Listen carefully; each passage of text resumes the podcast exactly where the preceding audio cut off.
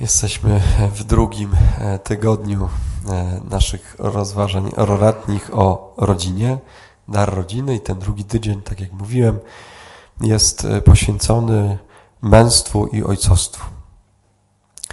Dzisiaj mm, w liturgii całej najbardziej przykuwa moje takie skupienie, uwagę to słowo na końcu Ewangelii, kiedy wszyscy, wszyscy a wiemy, że są z różnych stron ci ludzie, wszystkich ogarnęło zdumienie, wielbili Boga i pełni bojaźni mówili, przedziwne rzeczy widzieliśmy dzisiaj.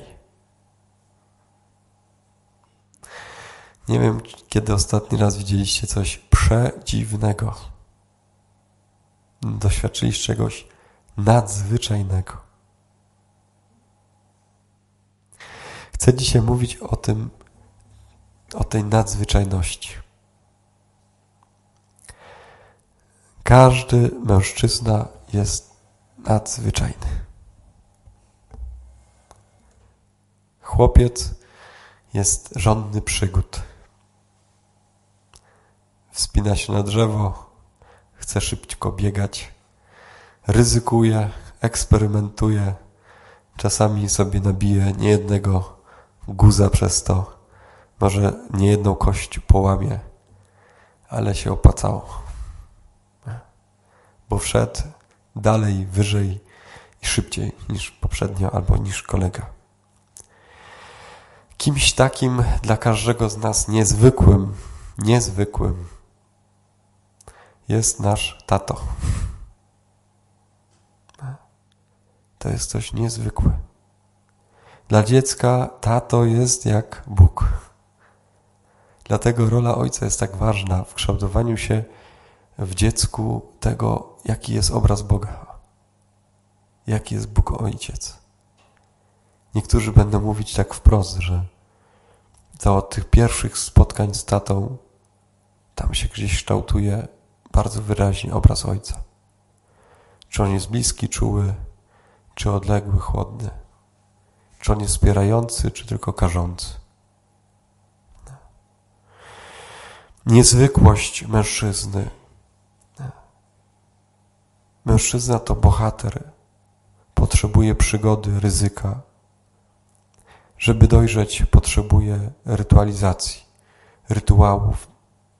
One są związane z bólem, cierpieniem, samotnością. To jest e, nie tylko taki archetyp i stereotyp, byśmy powiedzieli, z przeszłości,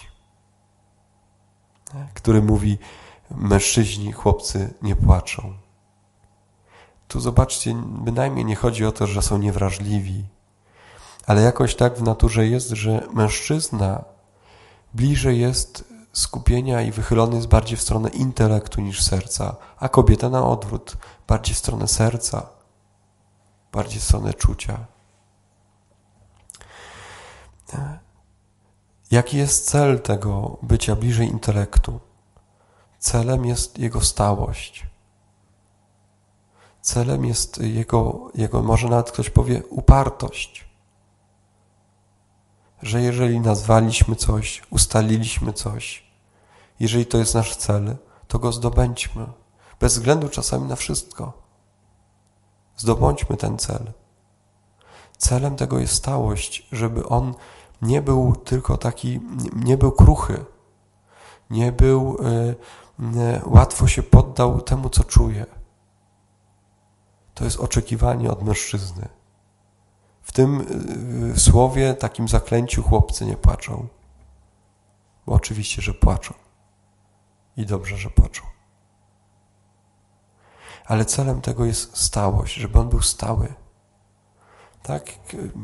W porównaniu do kobiety, która jest w cyklu, która ma dzień słabszy i ma prawo mieć dzień słabszy to mężczyzna ma być tym, który jest zdrowy mężczyzna, to jest ten, który jest zawsze gotowy. Gotowy do stanięcia. I też zobaczcie, ta, ta stałość jest nie tylko na poziomie e, takim emocjonalnym, stabilizujący w, w mowie, w czynie, ale też stały w znaczeniu i duchowym, ale stały i w znaczeniu seksualnym, fizycznym. Kiedy normalne jest to, że on jako zdrowy będzie w stałej gotowości do bycia blisko kobiety. Z całym szacunkiem do jej dyspozycyjności, która będzie okresowa. Zobaczcie, z całym szacunkiem do natury. To będzie stałość mężczyzny, jego niezwykłość. W końcu ta stałość też, ona jest, y, y, ona właśnie powoduje, że jest niezwykły, bo on jest y, właśnie niezwykły w codzienności. Tu nie chodzi o to, że mężczyzna ma być niezwykły, to znaczy niezwyczajny, niecodzienny. Że to ma taki być bohater jak, jak Superman, który się pojawia tylko i wyłącznie, czy jak Batman, kiedy są problemy. To wtedy go wołamy, przyjdź, bo nie dam rady, przyjdź mi coś tu zakręć, przyjdź tu mi coś odkręć, przyjdź tu mi coś ściągnij z wysokiej półki, bo nie dam sobie rady, bo potrzebuję Cię tylko od sytuacji ważnej, takiej jak, nie wiem, wypadek. Nie? I, i, I żona woła męża, bo wtedy go potrzebuje. To nie chodzi o taką niezwykłość bohaterstwa, tylko niezwykłość mężczyzny będzie polegała na jego stałej obecności. Rozumiecie? Na jego codzienności na Jego codziennej obecności. To jest Jego stałość. Mężczyzna, który staje się ojcem, to ten, który przygodę, tą, która go by zaniosła na koniec świata, który miałby zdobyć tę zwierzynę, ubić i przynieść do jaskini dla żadnej dzieci. To on tą przygodę, mężczyzna, który staje się ojcem, przeleje na przygodę bycia blisko swoich, których kocha. I ta przygoda, zobaczcie, ma dwa znaczenia: zewnętrzne i wewnętrzne. Zewnętrzna przygoda to ta niezwykłość taty, który podnosi wysoko, podrzuca dziecko. Kiedy kobieta się boi, mówi, no on spadnie ci i co się stanie. A on nie podrzuca wysoko, nosi na barana. Przez to dziecko ma niezwykłą frajdę i przygodę. To jest przygoda zewnętrzna, Mężczyzna, który chce pokazać, jak wygląda szczyt gór. Wejść na wędrówkę, na wycieczkę, wprowadzić dziecko w sport, w przygody zewnętrzne. Ale to też jest przygoda wewnętrzna. A co to jest przygodą wewnętrzną? To jest towarzyszyć żonie i dzieco, dzieciom w ich intelektualnych rozważaniach w tym, jak poszukują pytań, jak zaczynają konstruować myśli, świadomość swoją, swoją historię. I ojciec patrzy i słucha to dziecko swoje i opowiada mu, ono opowiada, a jak to, a jak tamto, a jak tamto. To jest wielka przygoda. Podobnie w sieci emocji. Kiedy słucha, jak żona czy dziecko przeżywa, swoją pracę, swoje zajęcia, swoją szkołę, swoje przygody pierwszej miłości. Słucha tego ojciec. To jest przygoda na równi z tym, jakby wziąć dziecko w wysokie góry. To jest ojcowstwo. Jest to też ojcostwo takie duchowe dla tych, którzy zostają na przykład księżmi. To jest coś takiego właśnie, że że klerycy przygotowują się do bycia kapłanami, przygotowują się też do bycia ojcami duchownymi. Ojciec duchowny taki, który słucha Twojej historii, Twojego ducha, Twojego serca, Twojego poszukiwania Boga, który Ci mówi, że spisz tą historię, opisz to sobie, napisz to, załóż dzienniczek, zacznij pisać to. Poopowiadaj mi o tym. To jest, y, to jest przygoda serca. To jest ojcowstwo. I zobaczcie, że kimś takim jest święty Józef. Niezwykły mąż, ojciec. Niezwykły. Bardzo nietuzinkowy, bardzo niezwykły.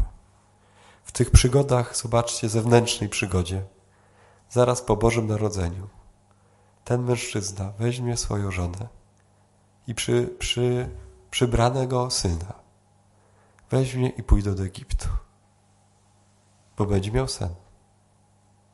a później wróci do Nazaretu.